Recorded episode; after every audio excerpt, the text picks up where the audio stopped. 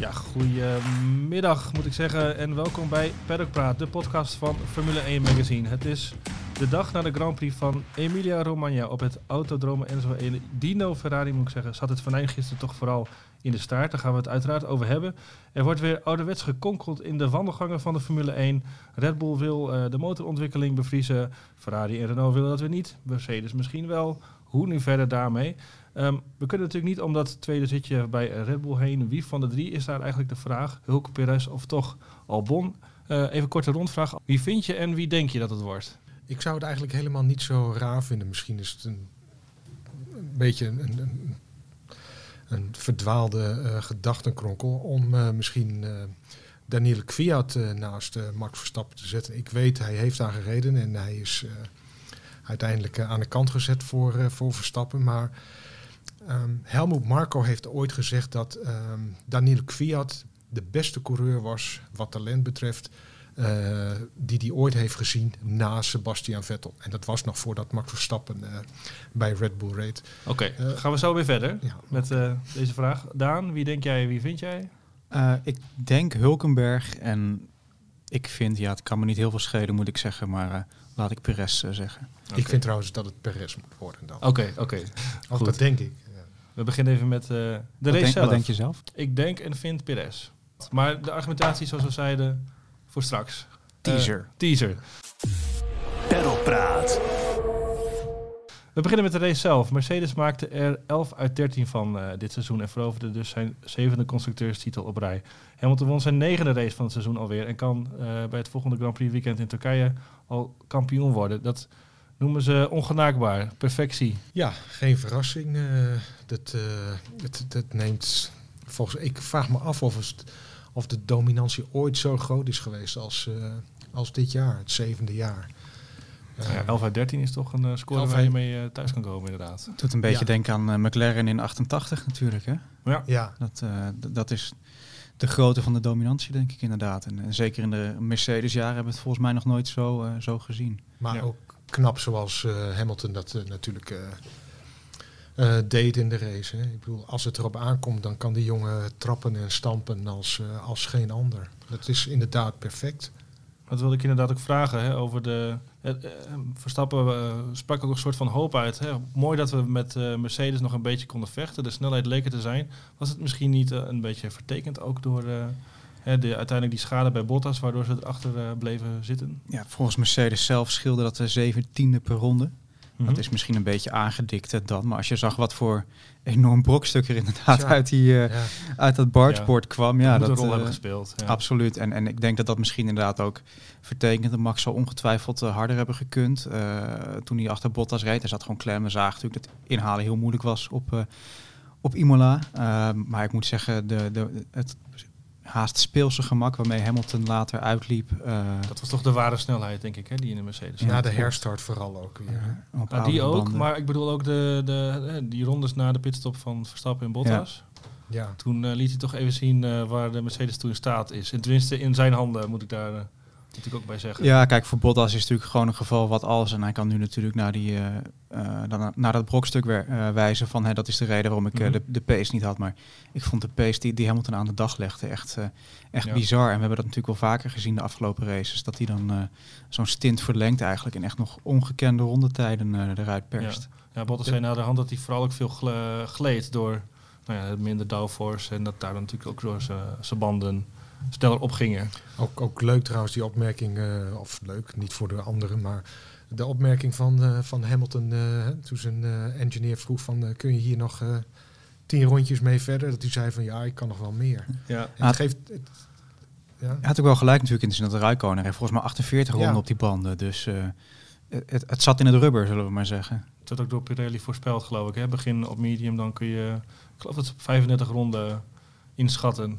Uh, ja. ja. zo lang doorrijden. Ja, in die zin was, die, was die vroege stop van Red Bull misschien een beetje uh, onhandig. Mm -hmm. Maar ja, ze dachten natuurlijk dat ze de, de undercutter Bottas konden Ze probeerden iets te forceren, ze ja, gewoon ja. ook hè, naar de hand. Ze hadden, ze hadden ook niet zo heel veel keuze, ze zaten natuurlijk in de Ja, ze hadden niks te verliezen natuurlijk. Nee. Ja. Maar dat is, het, dat is natuurlijk uh, bij, of het probleem bij Red Bull. Red Bull moet altijd, uh, nou, ik wil niet zeggen gokken, maar ze moeten altijd andere dingen doen om een kans te maken om te kunnen winnen. Ja. Of in ieder geval tussen, eh, tussen eh, Hamilton en eh, Bottas eh, in te komen. Dus- dat heeft ze tot nu toe één overwinning eh, dit Ja. seizoen opgeleverd. En eh, ja, dat zegt ook wel heel veel. Ehm, de drie amigos, zoals eh, Wolf eh, ze schijnt te noemen, waren dus meteen eh, vertrokken. Daarachter leverde de race toch ook een paar mooie en onverwachte uitblinkers op. Wie vielen er voor jou op, Daan? Nou ja, Ricciardo natuurlijk omdat hij op het podium stond en weer zijn uh, Shinshui deed. Dat was hem dit keer uh, niet vergeten. Gewoon weer een sterke race van hem. Renault nu ook derde bij de constructeurs in het WK. Ja. Uh, laat de opmars daar, uh, daar toch wel zien, denk ik. Kvyat viel natuurlijk ook op op uh, plek 4. Was toch wel een beetje een verrassing. Pakte eigenlijk de handschoen op nadat Gasly al vroeg in de race uitviel met een probleem met een waterpomp, volgens mij. Mm -hmm. En verder, ja, in, in minder positieve zin, zin viel natuurlijk George Russell op, die zijn mogelijk eerste punten vergooide. In zak en as zat hij naast de baan. Ja. ja, terecht ook. Het is natuurlijk het is een beginnersfout. Ja, dat, Op, opvallend wel dat hoe, hoe de hele nou ja, F1-gemeenschap, om het even zo te noemen, hem dan een soort van hè, een schouderklopje geeft. Hamilton, arm Hamilton, Hamilton voorop. Tot aan Hamilton, Hamilton toe, inderdaad. Ja, hij heeft een ja. gunfactor. En uh, weet je, gewoon een goede aardige jongen. Absoluut een talent ook. Mr. Saturday hadden we het laatst ook al over. Hè. In de kwalificaties is hij geweldig. In de races zou hij misschien af en toe wat meer mogen laten zien. En het leek erop dat hij dat zondag ging doen. En ja, dan ja. zo'n zo'n domme fout inderdaad. Hij gaf het zelf ook gelijk toe. Ja, maar hij heeft, hij heeft ook aangegeven dat hij nog nooit zo agressief heeft gereden als in, uh, ja. als in Imola. Dan denk ik ook van ja, weet je, uh, na twee jaar. Het deed een beetje denken aan uh, Grosjean natuurlijk in, onder de safety car toen in Baku. Mm -hmm. En ook met de overeenkomst, wel Grosjean stak hem trouwens ook nog een hart onder de riem uh, via ja. Instagram volgens mij. Heeft ook ervaring natuurlijk. Maar met de overeenkomst, dat, dat wordt nu snel vergeten. Maar Grosjean reed toen ook een geweldige inhoudrace eigenlijk tot die fout. Mm -hmm. En dat is misschien ook een beetje de mindset die je dan hebt, dat je zelfs onder zo'n safety car nog op zoek bent naar die allerkleinste marges. En dan zit toch een fout in een, in een heel klein hoekje inderdaad. Ik vond het ook opvallend dat alle coureurs die deze week te horen hebben gekregen dat ze er volgend jaar weer bij zijn, alle reden goed. He, Russell, Latifi bijna in de punten. Russell tot aan zijn crash dan. Rijkonen en, en Giovinazzi allebei in de punten. punten dat is ook een uh, enorm resultaat voor dat team. En Alfa Tauri dus. Nou ja, Gasly viel er wel uit, maar kennen natuurlijk tot dat moment ook een heel ja. goed weekend. En die tussen neus en lippen door te horen kreeg dat hij niet meer... Uh... Zo. Maar dat was, dat was echt gewoon heel hard ook. Van, ja, nee. Ja. Want jij hebt het stuk opgepakt voor onze, voor onze website, formule1.nl. Ja. Volgens mij Marco die zei bij de Oostenrijkse of Duitse tv. was hè? het geloof ja. ik, ja. Uh, heeft Kvyat hier zijn, uh, zijn zitje mee gered? Nee. ook een beetje, nou ja, een beetje schalks lachen. Voor. Toch een typisch Marco of zo. Met, trouwens, uh, ik, ik zou Charles Leclerc nog uh, willen noemen oh, ja. als uh, opvallende coureur weer. Die binnen de mogelijkheden die hij heeft met, met zijn auto, de SF1000, vind ik dat die jongen echt, ja, dat die jongen het echt heel Toch goed ook boven zijn materiaal uitstijgt. Ook boven zijn materiaal uitstijgt, ja. Een term die we vaak bij Verstappen gebruiken, maar ook wel bij, voor hem van toepassing, denk ik. Ja, ja, ja. Het doet ook wel aan Verstappen denken, maar dan niet Verstappen bij Red Bull, maar Verstappen bij Toro Rosso, hoe pijnlijk dat ook klinkt. Maar dat is wel een beetje het niveau waar Ferrari dit jaar op zit natuurlijk. Ja. Formule 1. Pedalpraat. We kunnen, wat ik zei, we kunnen er eigenlijk ook niet omheen. Alex, uh, Alex Albon. Ja, die is klaar. Waar beginnen we? Ja, ik, die... we hebben het vorige week ook al, ja. al lang over hem gehad. En ook min of meer al een streep eronder gezet. Ja. Dit is nog even een extra... Twee uh, races dacht ik uh, dat hij de tijd heeft gekregen om zich te bewijzen. Mm -hmm. En uh, ook nu hoorde ik weer allerlei excuses. dit auto toch helemaal niet zo slecht. En, Hij vond het zelf allemaal nog niet, niet zo'n heel slecht weekend ook. Vond ik ook opvallend. Nee, nee, dat, dat zal wel niet. Maar als je het... Ik bedoel, kijk, Verstappen is, uh, is, is het referentiepunt uh, mm -hmm. voor, uh, voor Red Bull. En als je daarnaar kijkt, dan is het echt hemeltergend hoe ver hij daarachter zit. En, en vooral ook hoe ver hij daarbij bij weg blijft. Ja, ik, ik, ik, zei, ik vond het opvallend omdat ook nou ja, zijn kwalificatie verliep eigenlijk vrij rommelig. Veel, volgens mij drie of vier rondjes zelfs. Die werden afgenomen track limits. track limits, dat Kijk, vind ik ook iets van slordig of zo. Ja, ik heb, Verstappen heeft overcapaciteit uh, ja. in het hoofd. En ik heb het idee dat Albon zo chaotisch is dat, uh, dat, dat, dat het te veel in zijn hoofd omgaat. Mm -hmm. En dat hij de dingen niet, uh, gewoon niet op een, op een rijtje heeft, zeg maar, als hij achter het stuur zit. En ja. dat daar misschien wel het grootste probleem zit. En niet eens zozeer in zijn stuurmanskunst. Nee. Is misschien ook gewoon de plek het verkeerde moment voor hem? Plek naast... Ja, eh, Daan zei dat net. ehm, kijk, Albon die, eh, die heeft een Formule 1 leven gekregen dat, eh, dat, dat eigenlijk al voor hem eh, voorbij was. Hè. Hij zou naar de Formule 1 gaan. Kwam toen bij Toro Rosso binnen en, en is overgeheveld naar Red Bull. Kijk, voor, voor, voor hem zijn dit twee bonusjaren als je het zo beschouwt in de Mhm. Formule 1. Dus misschien, misschien moeten we er ook niet eh, raar van opkijken van wat er nu allemaal gebeurt. nee. Hoewel, en, en, en door, door, gewoon door, het, door het talent en eh, de, de vaardigheden van Max Verstappen, eh, dat is voor hem de pech, wordt alles nog meer uitgelicht. Ja, en we hadden het net over Marco. In diezelfde quote zei hij ook dat Gasly bij Alfa Tauri blijft omdat ze daar een teamleider nodig hebben. Want daar komt een jong iemand te rijden. Ja. Toen werd hem gevraagd of dat over Tsunoda ging. Toen zei hij, ja, dat zou je zo kunnen zeggen.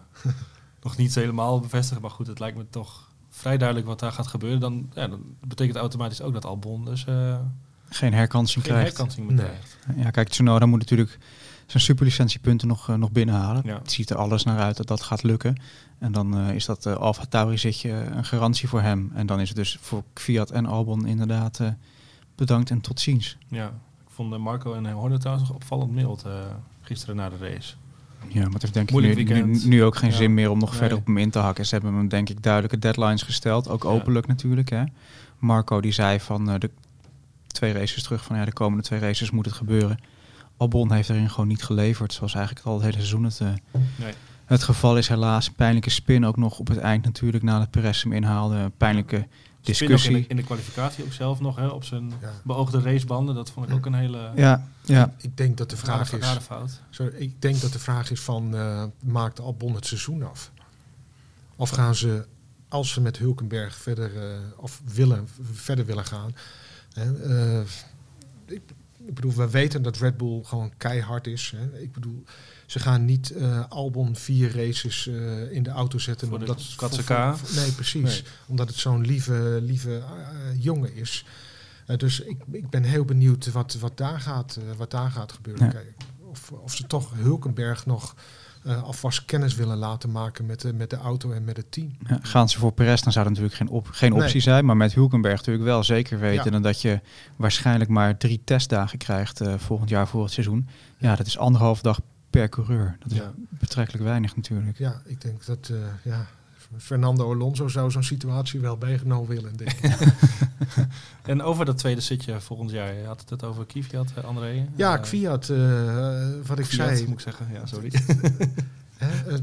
Een begenadigd coureur, maar ook een man met, met eh, eh, pieken, pieken en dalen. En ik denk dat dat voor Red Bull toch een, eh, een, te, groot, een te grote risicofactor is eh, waarom ze het niet zullen doen. Maar ik zou het helemaal niet, zo- niet zo raar vinden. Ik bedoel, over eh, een kat met, eh, met drie levens gesproken. eh, En negen levens. of, ja, Maar hij is inderdaad wel aan zijn derde eh, toe, Ja. eh, volgens mij. Ja, en als je hem dan in, in Imola ziet, eh, toch ook wel met de druk erop, ja. dan, eh, ja, eh, weet je, die jongen kan wel En rijden. ik vind hem mentaal ook gewoon heel sterk overkomen. Hij heeft er toch wel een beetje, beetje lak Ja. aan. eh, Ik zat aan alles wat om hem dus- heen speelt. Hij laat zich gewoon niet eh, van de Eh, wijs brengen. Ik weet, ja, dat Ik zou zat- kunnen, maar het kan ook te maken hebben met de Russische mentaliteit. Ja. Nou ja, goed, eh, geef het een naam. Maar- Zaterdag zat ik in de mediasessie van Fiat. eh, en toen werd hij ook gevraagd naar die opmerkingen van Marco over Tsunoda inderdaad. Mhm. Ehm, dat het waarschijnlijk dus zijn, hij is zijn zitje kwijt. Hij zei ook van ja, ik concentreer me er niet op. En eh, weet je, ik concentreer me op mijn werk en focus me op het, eh, op het team. Dat Ja. is inderdaad de houding die hij heeft. Dat is misschien ook een houding die hij een beetje aanneemt. Hij is natuurlijk gepokt en gemazeld. Hij kent het eh, klappen van de, van de zweep. Zeker bij, gehad, ja. bij Red Bull. Ja. Ehm, ik denk wel wat gewoon tegen hem pleit, los van, van die pieken en dalen, is natuurlijk het feit dat het eerder al een keer niet is gelukt bij, bij Red Bull daar eigenlijk. Ehm, dat er daarom, net als bij Gasly en Albon, vraagtekens om hem eh, zullen bestaan binnen de organisatie. Eh, in of ze hem naast Verstappen moeten zetten en hoe dat dan zou gaan werken. En natuurlijk ook het, het, het gekke is, ja, waarom zou je Gasly, die het toch wel veel beter doet dan Fiat nu, niet die kans geven en dan Fiat wel? Ja, logisch gezien is dat natuurlijk heel, heel raar. Mhm. Dus Ja. vandaar dat ik ook denk, wat, wat zij ook zeggen, van ja, als het als niet Albon, dan kijken we buiten de organisatie en wordt het dus Perez of Hulkenberg. Ja. Ja. En als antwoord op die vraag? Je zei het net al. Ja, ik denk Hulkenberg, maar Ja. Perez zou inderdaad eh, misschien de logische keuze zijn. Maar Ja. wa- wat spreekt voor, eh, laten we begin, Hulk beginnen. Wat spreekt voor Nico Hulkenberg om hem daar neer te zetten? Ja, het is een beetje een flauw antwoord, maar de goede relatie met Max. eh, zal zeker meespelen. de fase van zijn carrière. Hij is 33. Ehm, hij kan denk ik goed omgaan met, met, met zo'n situatie dat hij de tweede man is. Ehm, het nadeel daarvan moet ik zeggen, of, of wat daarvoor voor mij wel meespeelt, is een beetje een soort van blasé-houding die zich soms aanmeet. Dat vond ik iets wat hij ook al bij Renault een beetje had. Ja, Maar- ja, misschien is het ook wel een soort van vrije vogel. eh, Nee, houding. precies. Als je daarmee telkens gewoon keurig vierde wordt en, en derde of beter als, eh, als er bij Mercedes of Max iets, iets fout gaat, dan, dan spreekt dat natuurlijk niet tegen je in die zin. Nou, derde of beter is hij dus nooit geworden.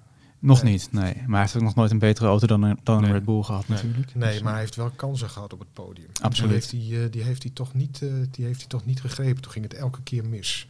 nee, Dus, eh, nee. Ik heb het gezegd, want in Nederland is de Hulkenberg natuurlijk populair hè, vanwege de, de, de televisie-interviews en het feit dat hij, eh, dat hij Nederlands eh, spreekt. Maar ik denk toch dat Perez een, eh, een, betere, een betere racer is. En eh, misschien, ja, Max Verstappen zegt dat het hem niet uitmaakt wie hem naast hem zit. Maar eh Perez zou misschien toch wel wat meer, als dat nodig is, prikkelingen druk. bij... eh, Wat bij meer gif in het team misschien ook. ja, precies, kunnen veroorzaken dan, eh, dan Hulkenberg. En, en wat spreekt in het nadeel van Perez? Ik denk namelijk zelf de sponsoren. Ik denk dat als je een heel, hele rits aan sponsoren meeneemt, die natuurlijk veel geld betalen, Mhm. dat je toch een soort van ja, invloeden, eh, meningen importeert waar je, nou ja, Ja, we Ja, zien het een beetje met, met die soap die is natuurlijk speelde bij, bij Williams tot voor kort. Hè, met eh, Russell die ook zei ja, dat, dat er nu gesproken wordt over mijn toekomst en dat Perez me misschien ver- eh, vervangt.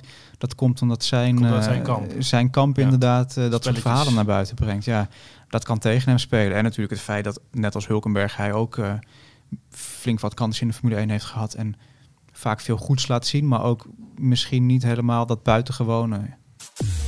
Perlpraat. Goed, over spelletjes gesproken. Ehm, Red Bull heeft een motor nodig na eh, volgend jaar. Wil, eh, is wel bereid om, om zelf het Honda-programma over te nemen, maar denkt dat het daarvoor, eh, heeft, heeft daarvoor het bevriezen van de motorontwikkeling eh, nodig, denkt het. Ja, Mercedes is wil dat wel. De afdeling politiek eh, in de Formule 1 die nu weer, eh, die nu weer opspeelt. En, eh, Cyril Abiteboul zei zaterdagavond laat tussen neus en lippen door dat Renault ook tegen is. Ook ja, Kom, Geen ja, verrassing. ik- geen ik- verrassing, nee. Ja, ik bedoel, maar dat is Formule 1. Hè? Uh, alle teams die, eh, die, die spreken allemaal, eh, die, die, die praten allemaal in hun eigen straatje. Hè? Red Ja. Bull eh, doet, dat, eh, doet dat nu ook en dreigt met, eh, met vertrek als, eh, als, als, als die motorleveranciers niet, niet akkoord gaan. Het, ho- het hoort bij het spel, het hoort Ja. bij de Formule 1. En eh, het is maar net hoe de wind waait. eh, en, eh, Ze kloppen zich allemaal op de borst met het nieuwe reglement en de budget Ja. cap en alles. Goh, dat hebben we goed gedaan samen. uiteindelijk blijft het wat dat betreft toch een zeer individualistische sport, ondanks zo'n Concord Agreement. Ja, ja. En Mercedes vindt het natuurlijk wel prima als alles bevroren wordt. Ja, zelfs Ja. Horner zei dat. Hè? Ja. Eigenlijk hun enige, enige medestander. Horner zei ook, ja, Toto heeft de beste motor, dus die wil het wel voor 20 jaar bevriezen. Maar ja, Politiek. feit is wel dat de Formule 1 ook klimaatdoelstellingen heeft. En daar hoort onder meer de komst van, of het gebruik van meer biobrandstoffen bij. Ja. Eh, zeker vanaf 2023. Dat gaat ook gewoon aanpassingen aan de motoren eh, betekenen. Ja. En ik denk dat je het eh, fabrikanten als Renault en eh, Ferrari niet kwalijk kan nemen dat zij eh, Nee. daarmee door willen gaan. Nee, nou, daar, daar hamert uh, Abiteboel natuurlijk ook uh, terecht uh, heel erg op. Ja, en ze hebben natuurlijk zelf gewoon grote stappen met de motor gezet Ja, ook dit jaar. Dan snap ik wel dat Ja. je dat wil doortrekken. Ja. Maar goed, dan blijft de vraag nog steeds wat nu voor Red Bull. Hè? Dit schip lijkt eh, te zeilen. Om het even in heel slecht Engels het is een te beetje vergelijkbaar Ja. met, uh, met Hoekstra en de KLM. Hè. Dus, uh, ja, het is, het is een hardbal. En Ja. uh, wie... uh, ik, ik, ik denk niet dat er in de Formule 1 zo'n zo'n polderoplossing uh, zal komen... die ik wel verwacht met KLM en, uh, en, en Hoekstra. Oh, dat wil je gewoon voor je punten. Ja, de, de, de polderoplossing zou natuurlijk zijn dat Red Bull inderdaad niet verder Ja. gaat met die Honda-motor, maar een Renault neemt. Ja. Ja, ja, dat ligt het meest voor de hand, uh, denk ik. Ja. En dan is het maar net de vraag hoe, uh, hoe hard Ferrari en uh, Renault dit, uh, dit spel gaan spelen. Ik denk vrij hard. Perlpraat. Even iets heel anders. Eh, ik vond eh, een raar incident ging gisteren rond op, eh, op Twitter. Er doken beelden op van uh, Lance Stroll die nadat hij het sein kreeg om de safety car in te halen, nou, kreeg hij het teken van zijn team. Nou, haal iedereen in en sluit dan weer achteraan aan. Achter Vettel was het geloof ik. En dan zie je op de beelden dat hij langs de plek van het ongeluk van Russell rijdt, waar nog marshals staan te vegen. Ja. Want er lagen nog wat blokstukken op de baan. Ik, denk, ik denk dat hij met, met nou, wat zal het zijn, 2,50 of zo op een paar meter van zo'n Marshall uh, ongelooflijk, rijdt. Zegt ongelooflijk. Steeds, ja. Maar dan vroeg ik me wel af, wie is daar dan uh, schuldig aan, aan, aan, aan, zo'n situatie? Want ik heb ook even de andere onboards gekeken van de mensen die ook datzelfde zijn uh, kregen. Er zijn een paar die krijgen te horen, er liggen nog brokstukken, maar niemand heeft het over Marshalls op de baan. En dan denk, vraag ik me af, is dat iets vanuit de wedstrijdleiding waar, waar het fout gaat? Of... Ja, dat hadden we eigenlijk zondagavond aan Michael Masi moeten vragen tijdens de gebruikelijke briefing. Maar ja, toen had niemand volgens mij die beelden nog, uh, nog gezien. Normaal gesproken zou je zeggen dat dit is iets wat de wedstrijdleiding, of hè, wat in de eerste plaats de Marshallpost moet doorgeven aan de wedstrijdleiding. Van hé, hey, we zijn bij bocht die en die ja. op de baan bezig. En dan moet de wedstrijdleiding het doorgeven aan de teams, niet weer naar de coureurs moeten communiceren. Ja, ja. Kijk. Ze zijn er namelijk net langs gereden ook als ze dat zijn kregen. Toen ze dat zijn kregen van. Hè. Ze reden net ja. ik bij de variante Alta, hè, de chicane die daarna komt. Want het ongeluk zelf was bij de Aqua Mineraal. Dus het, ze waren er voorbij en toen kreeg ze het zijn, ga er maar langs. En ja. Stroll kreeg ook de woorden push, want je moet uh, uh, het veld zien te achterhalen. Ja, dat is natuurlijk ook wel apart hè, dat je uh, toch denkt, als je onder de virtual safety car rijdt, heb je altijd van die delta-tijden waar je aan moet houden. Hè. Dan mag je niet sneller dan een bepaalde tijd. Ja. Het lijkt me toch dat zoiets ook van toepassing moet zijn als je een rondje achterstand inhaalt. Overal geel, maar ging al ja. vol... Ja, het is ook een stukje eigen verantwoordelijkheid natuurlijk. Hè. Grosjean en Vettel inderdaad, die zelf wel riepen van, hé, hey, dit is gevaarlijk, lopen mensen op de baan. En Stroll die uh, misschien dus aangespoord door het team uh, met dat iets te veel in zijn hoofd gewoon vol gas hè, doorknalt. Ja. Het is toch bijzonder hè? Ik bedoel ook bij de... Maar het bij over, komt hem wel weer. De, ja, maar dus, ze hebben daar zoveel schermen en ze zien toch dat daar mensen op de baan bezig zijn. Ja. Dat, dat moet toch bij de wedstrijdleiding, daar moet toch iemand ingrijpen. Dat kan toch niet anders, ja. lijkt mij. Ja, het lijkt soms een beetje alsof je een soort knopje mist waarmee de wedstrijdleiding direct tegen de coureurs kan spreken. Hè? Dat ze kunnen zeggen van, yo, daar zijn mensen op de baan of we hebben hier en daar een gele vlag. Daar hangt wel dubbel, dat je een beetje kan inbreken. Dat is toch ook het teken dat je dus niet daar zo op die manier langs nee. mag rijden.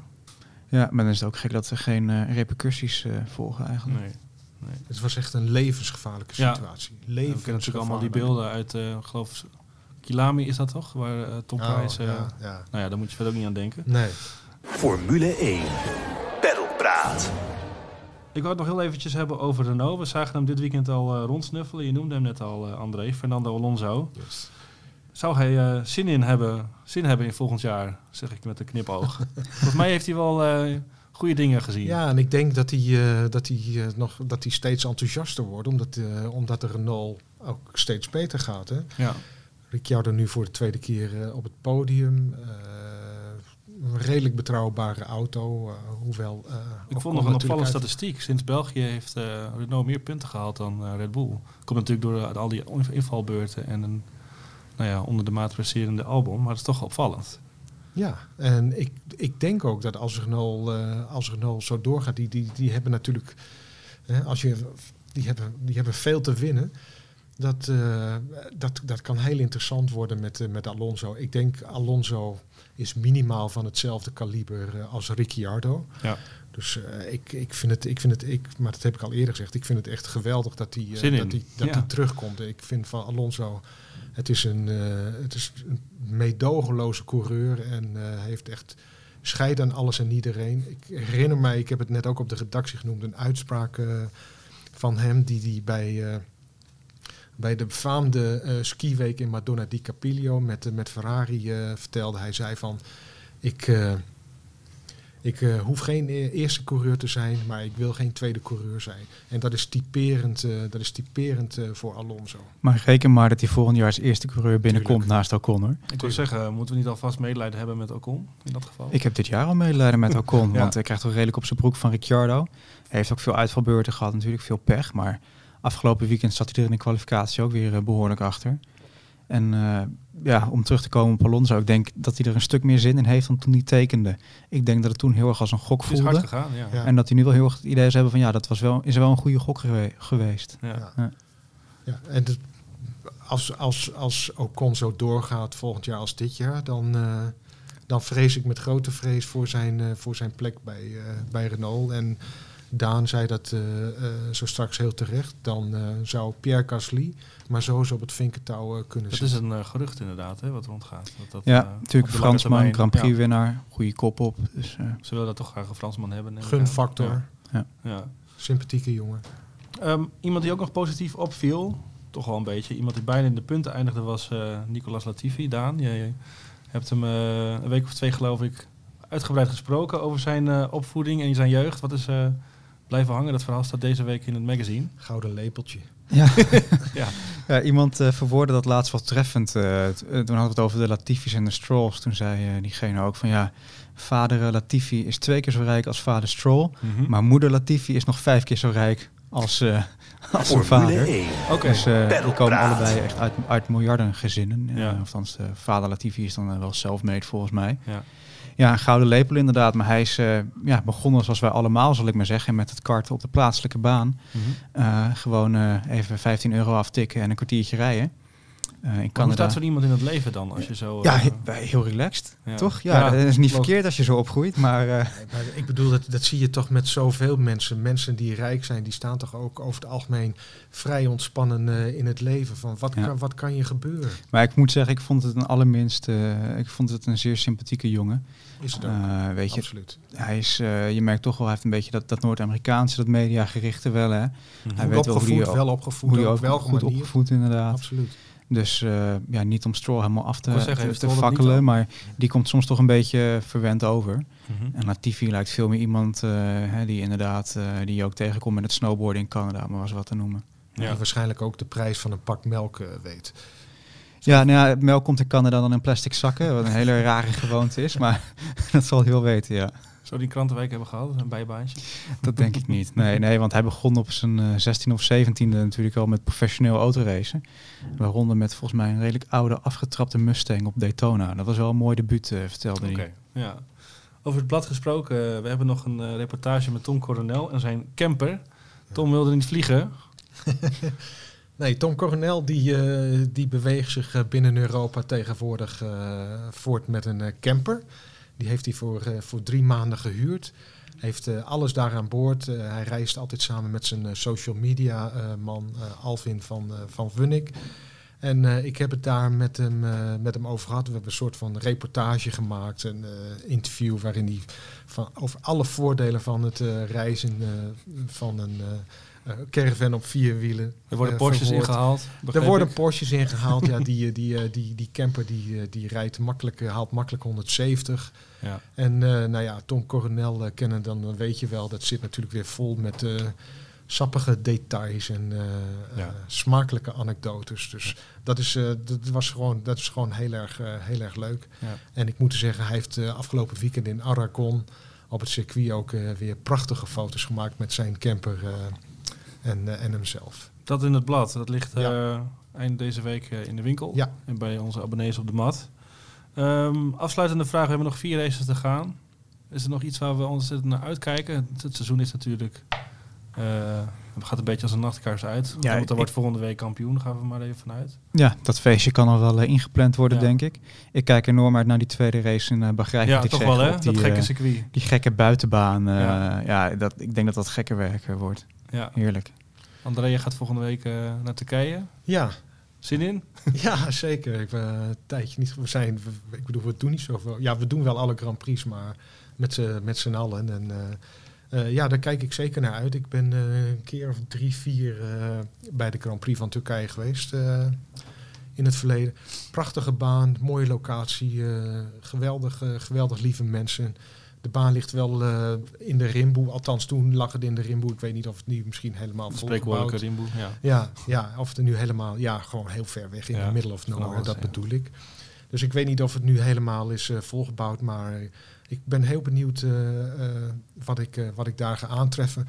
En ik denk ook dat het een, een, een, een interessante race kan worden. Want Vanwege, in, het, eh, lange tijd niet geweest. en- vanwege het circuit en eh, misschien ook wel vanwege het, eh, vanwege het weer. Oké. Nou.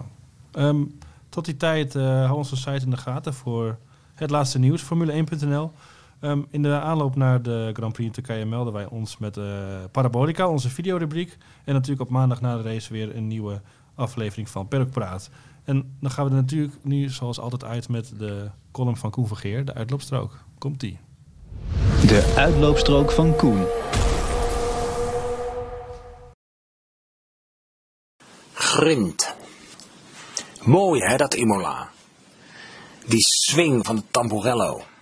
Al is het genadeloze eruit door die chicane. De klim naar Piratella. De duik door aquamineralen en die zigzag chicane, die variante Alta.